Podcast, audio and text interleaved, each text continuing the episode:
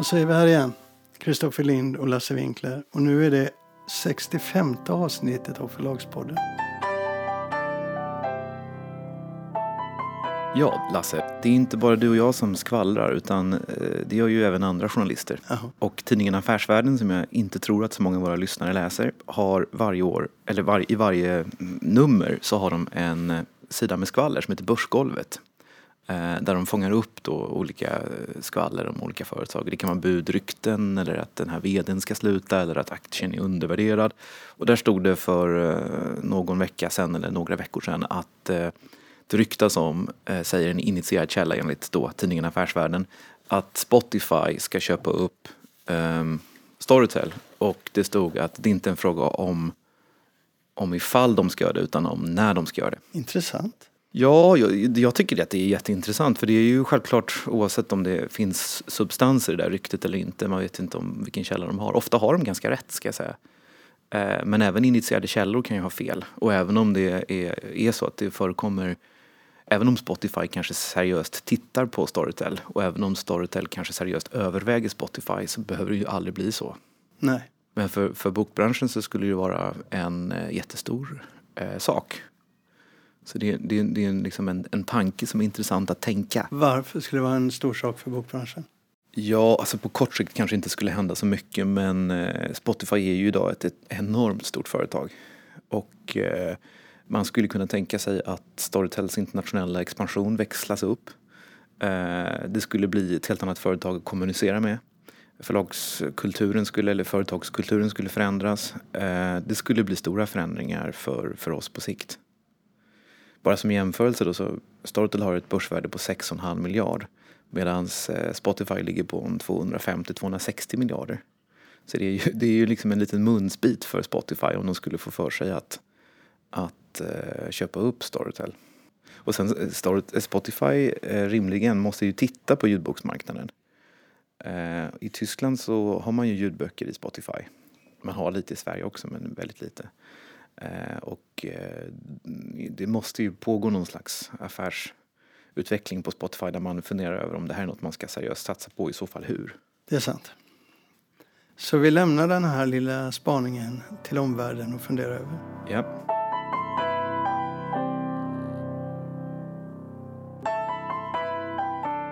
Det var länge sedan vi pratade om läget på förlaget.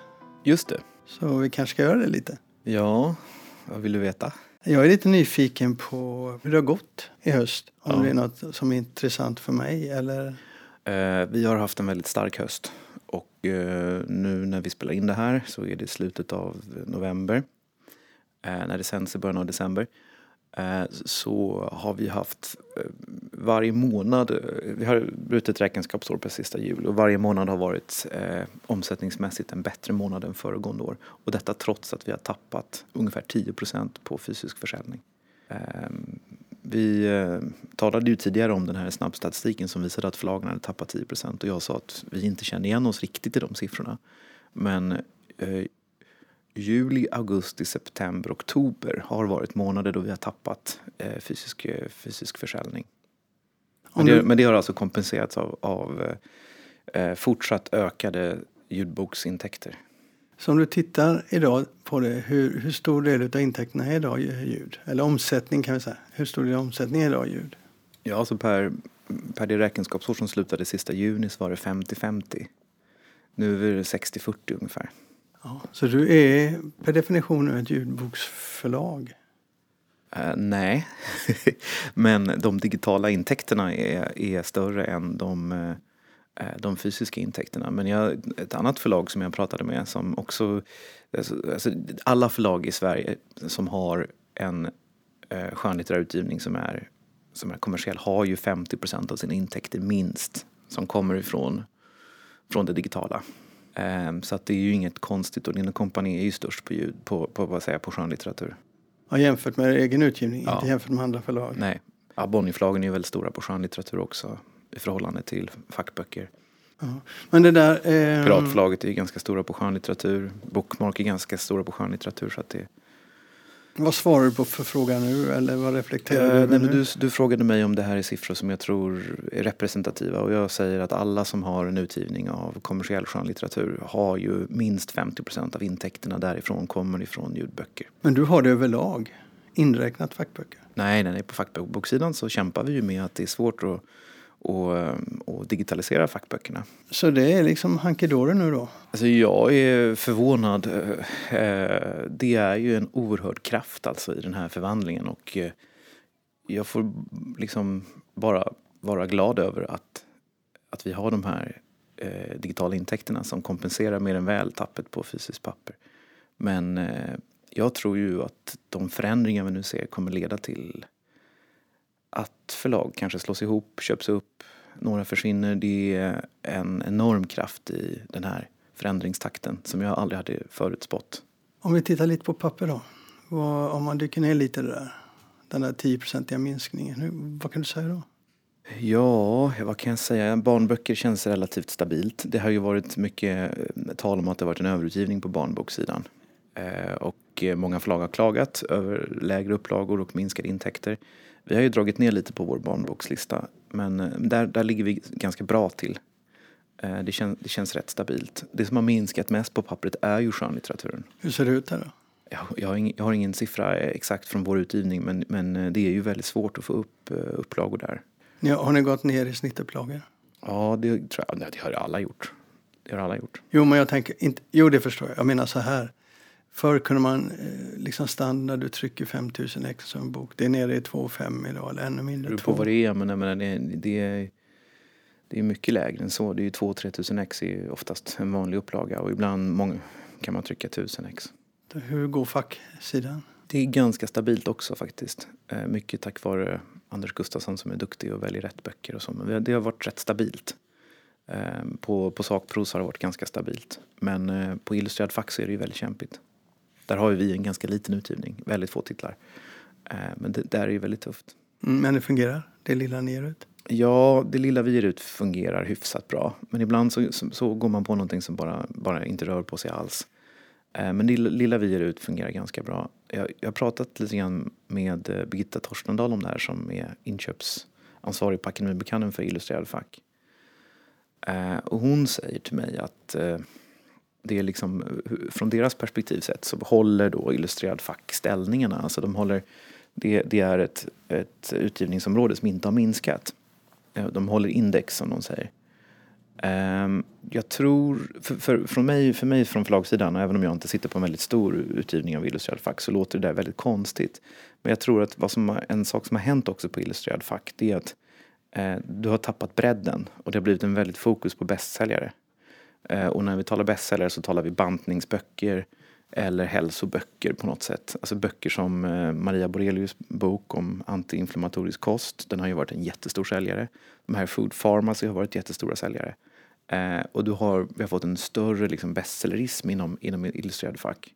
Men det här liksom, basutbudet av eh, liksom, böcker om cockerspanilar eller liksom, eh, grytor och soppor och småkakor. Så här, där, där har det skett en väldig gallring. Det, men det är inte konstigt, det är internet och folk googlar och sådär. Man, man, man köper helt enkelt inte illustrerade fackböcker på samma sätt som man gjorde förr. Eh, det, och det här är ju en utveckling som har skett många år i rad. Men, men kokboken har vi talat om tidigare, den är ju väldigt svår idag. Hur är läget i övrigt på förlaget just nu? Vad händer? Eh, ja, vad händer? Det, är, eh, vi har, det kommer en, eh, en ny förläggare till förlaget som börjar i januari. Okej. Hon heter Elin Lund, kommer från Pocket Shop och ska jobba med barnböcker. Så du släpper barnböcker själv? Ja, Detta är en, del i din långtgående process att frigöra dig?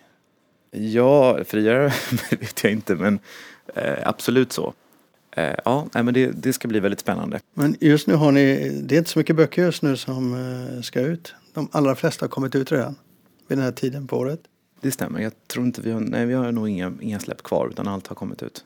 Så nu är det jobb för framtiden som ligger inne i förlaget. Ja, alltså nu är det ju... eh, Vårens utgivning är ju skickad till tryck. I alla fall böckerna som ska komma i januari, februari. Eh, och sen så jobbar vi med sommar, sommarens böcker. Där ligger vi, jobbar vi med omslag och såna här saker. Och, och höstens böcker också naturligtvis rätt mycket. Så ni ligger rätt bra framme. Ja, vi ligger bra till.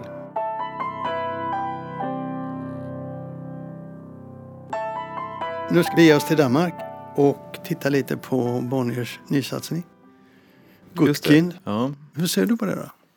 Nej, men jag tycker att det är väldigt, väldigt intressant först och främst. Eh, och det är en större sak, en, en, större överraskning än vad man kanske kan tro. Jag tänker om eh, Gyllendal i Danmark eller Gyllendal i, i eh, Norge skulle helt plötsligt starta ett svenskt förlag med en väldigt etablerad person som typ Daniel Sandström. Eh, det, det skulle ju förvåna. Mm. Eh, verkligen. Och det är det man nu gör eh, i Danmark. Och det är ju då Jakob Söndergaard som kommer från Rosinante där han varit förlagschef. Och som valde att inte följa med till Gyllendal när Gyllendal fusionerade upp Rosinante. Och det är ju han som då ska driva det här nya förlaget. Mm. Jag har en tanke om det där som jag tycker... Ja, jag har också en tanke. Ja, mm. jag, jag, kan bryta ja. det så inte bara blir du där då. Eh, Jag ser en poäng i det de gör, att de startar nytt utan bagage. Utan overhead, utan gamla strukturer och kulturer eh, som håller tillbaka dem i en sån här eh, värld där det sker snabba förändringar. Så istället för att, om du tänker att du istället hade haft ett förlag som du ska ändra riktning på, det är mycket svårare än det de gör nu. Och så blir de väldigt lättrörliga i det här läget. Ja, fast eh, så är det ju. Men eh, man får ju det förlag vars anställda man har så att säga. Jakob Söndergaard är ju en otroligt populär och omtyckt person. Han är så oerhört populär bland författarna. Eh, men det är en ganska traditionell och väldigt litterär förläggare. Och den danska situationen påminner väldigt mycket om den svenska. Eh, Danmark är en väldigt tuff marknad just nu. Och eh, man ser samma saker som i Sverige, alltså pappersböcker går ner, streaming ökar. Eh, och allt detta leder till en kraftfull kommersialisering av branschen. Och att i det läget starta ett traditionellt litterärt förlag, eh, det är eh, ju otroligt modigt. Och där, där finns det någonting i det här som jag inte förstår. Liksom, vad, vad, vad, är, vad är pusselbiten? Um, jag kan inte riktigt se, alltså skulle man skapa ett, starta ett nytt förlag i Danmark idag då skulle jag ju snarare göra då som Stordalen som har det här digitala förlaget i Danmark. Eh, eller så ska starta det digitala förlaget. Det är någonting sånt som man borde satsa på. Eh, men, men, men så att jag, jag vet inte riktigt vad, vad Bonnier har i åtanke antingen så har man då en, en, en sån kommersiell satsning också som man, som man hemlighåller. Eller så kanske man har gjort upp den här affären med Salomonsson och Alander och att vi kommer få se en förflyttning av bästsäljande deckarförfattare från andra förlag till det här Bonnierförlaget. Ja, så kan det ju vara. Men jag, jag, det kommer ju bli dyrt och relativt svårt oavsett hur man ja. gör. Men jag, jag vet ju också att Bonnier sitter på otroligt mycket kunskap som andra förlag inte gör. De har ju de här eh, tillgång till de här eh, undersökningarna som de gör hela tiden. De går ut till folk. De har ju Väldigt stora... svårt att ta den typen av teoretisk kunskap och omsätta i praktiken. För att allt handlar ju också om den lokala marknaden, vilka listor du har, vilka författare du får. Och detta vet de. Så att, jo, men den där teoretiska kunskapen är ju, är ju ganska meningslös. Nej, den är inte ganska meningslös. Den jo. har sina begränsningar. Det betyder att när de tittar på det och får in de här kunskaperna och de värderar marknaden hela tiden. Det är ju inte det enda instrumentet Nej, det är de inte, den, den, kunskapen har ju alla förlag. För det är den, den där teoretiska kunskapen säger ju egentligen väldigt enkla saker. Nej, där, där har du fel. För de jobbar med fokusgrupper, de jobbar med framtidsforskning och de har tillgång till en otrolig mängd kunskaper som inte andra förlag har. Det Nej. vet jag av erfarenhet. Men vi får se. Vi får ja. se. Jag önskar dem alltså all, all lycka. Jag hoppas att det här ska gå bra och jag tror också att det kan behövas en ny, ett nytt förlag i Danmark. Nu har man ju då efter att eh, Rosinante har försvunnit eller har uppslukats då av, av Gyllendal så har ju också uppstått en lucka på marknaden och jag gissar att det är den luckan man tänker utnyttja.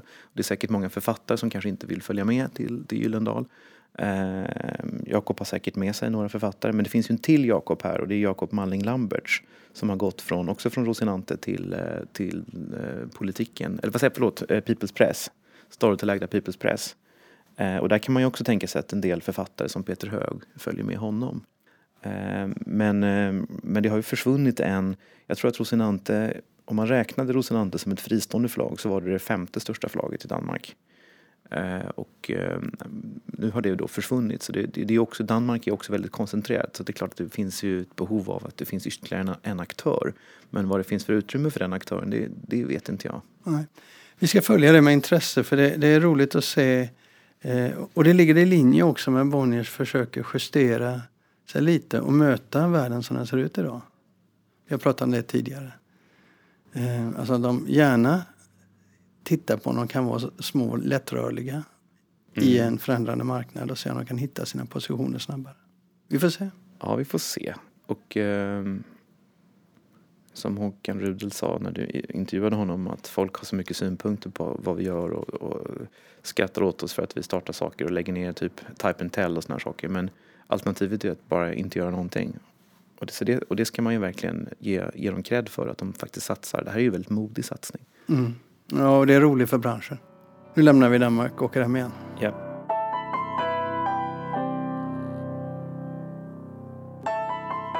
Vad ska vi ta upp nu? men det var du som skulle inleda.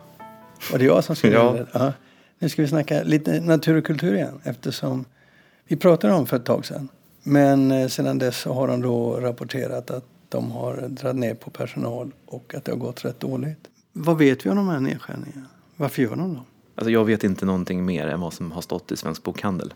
Eh, och det, där har man då sagt att man gör de här nedskärningarna för att man ser en nedgång inom alla områden. Och då inte bara allmän litteratur utan också eh, läromedel.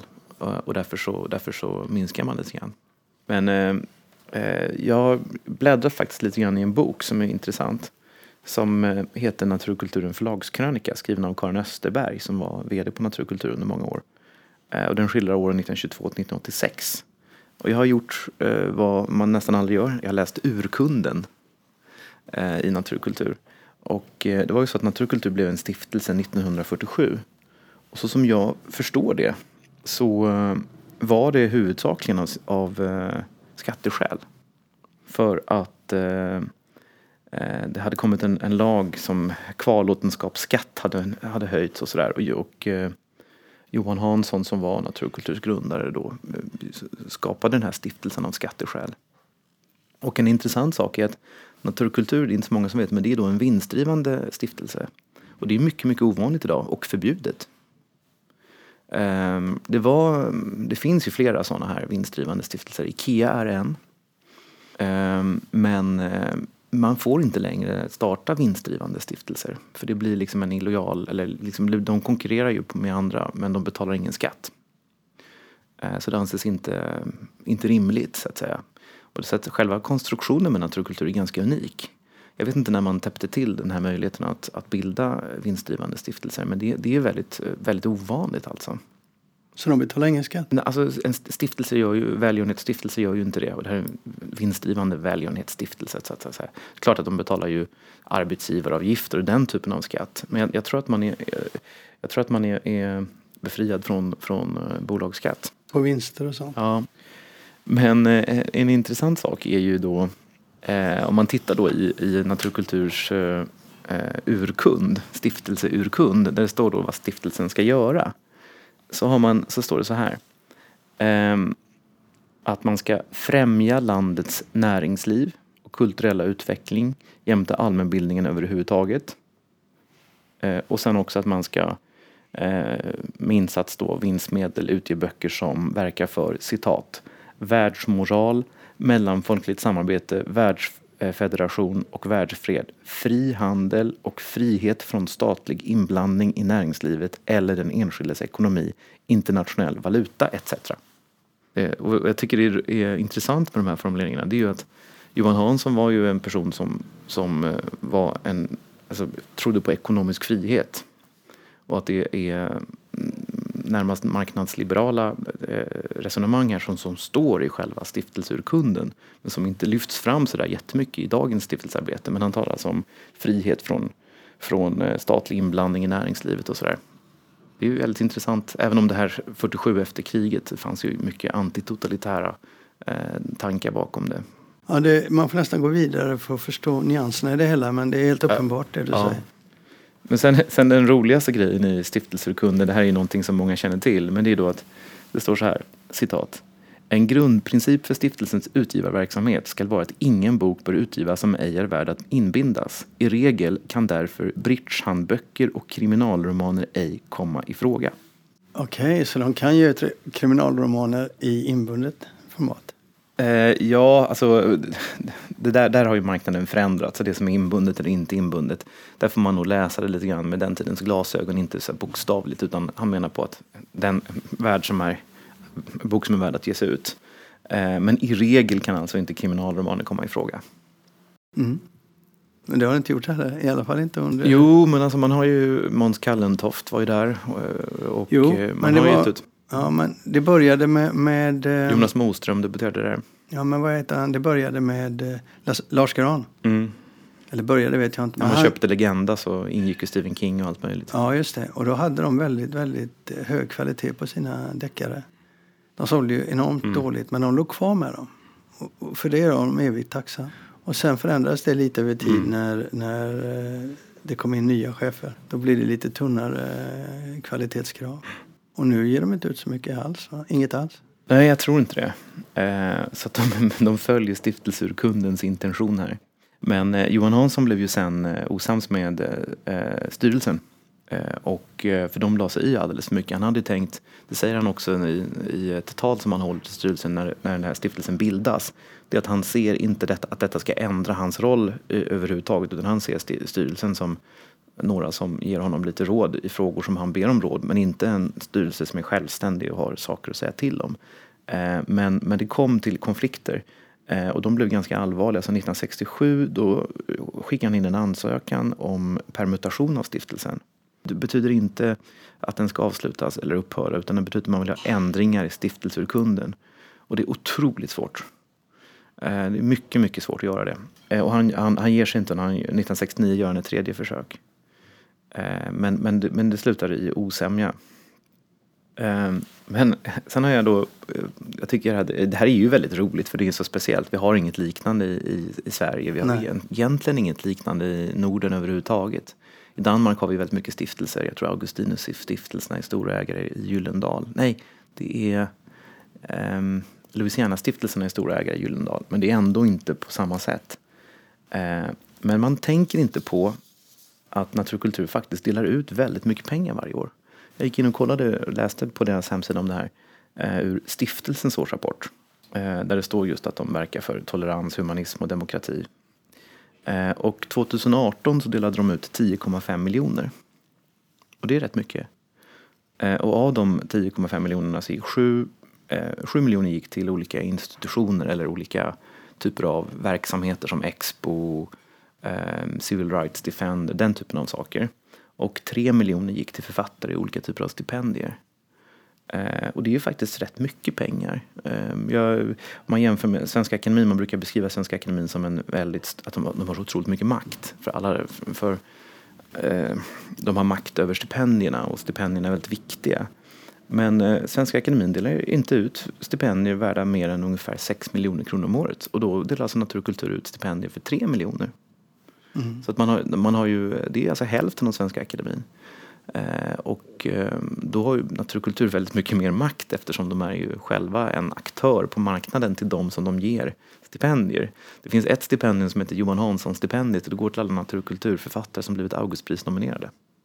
Exempelvis. Vad får de då? De får bara 20 000 kronor men i alla fall. Uppmuntran? Plåster på De här, såren? de här stipendierna, den, eh, Bonniers stipendienämnd är ju väldigt gammal. Eh, jag försökte, det finns ju olika, Bonnier har ju Bonniers stipendienämnd och sen så finns det Gerhard Bonniers lyrikpris och essäpris och sådär. Jag försökte lägga ihop eh, summan av alla deras stipendier. Jag fick inte en och en halv miljon, jag vet inte om den är korrekt. Eh, men det, Det låter lite lite. det låter lite lite men jag fick den inte till mer. Eh, men om Svenska Akademin delar ut sex så är det inte så lite. Nej, absolut. Men det är ju den här typen av eh, stipendienämnder eh, när förlagen driver dem syftar ju faktiskt också till att marknadsföra förlaget och sno över författare. Så det var ju väldigt mycket så när Bonniers stipendienämnd instiftades.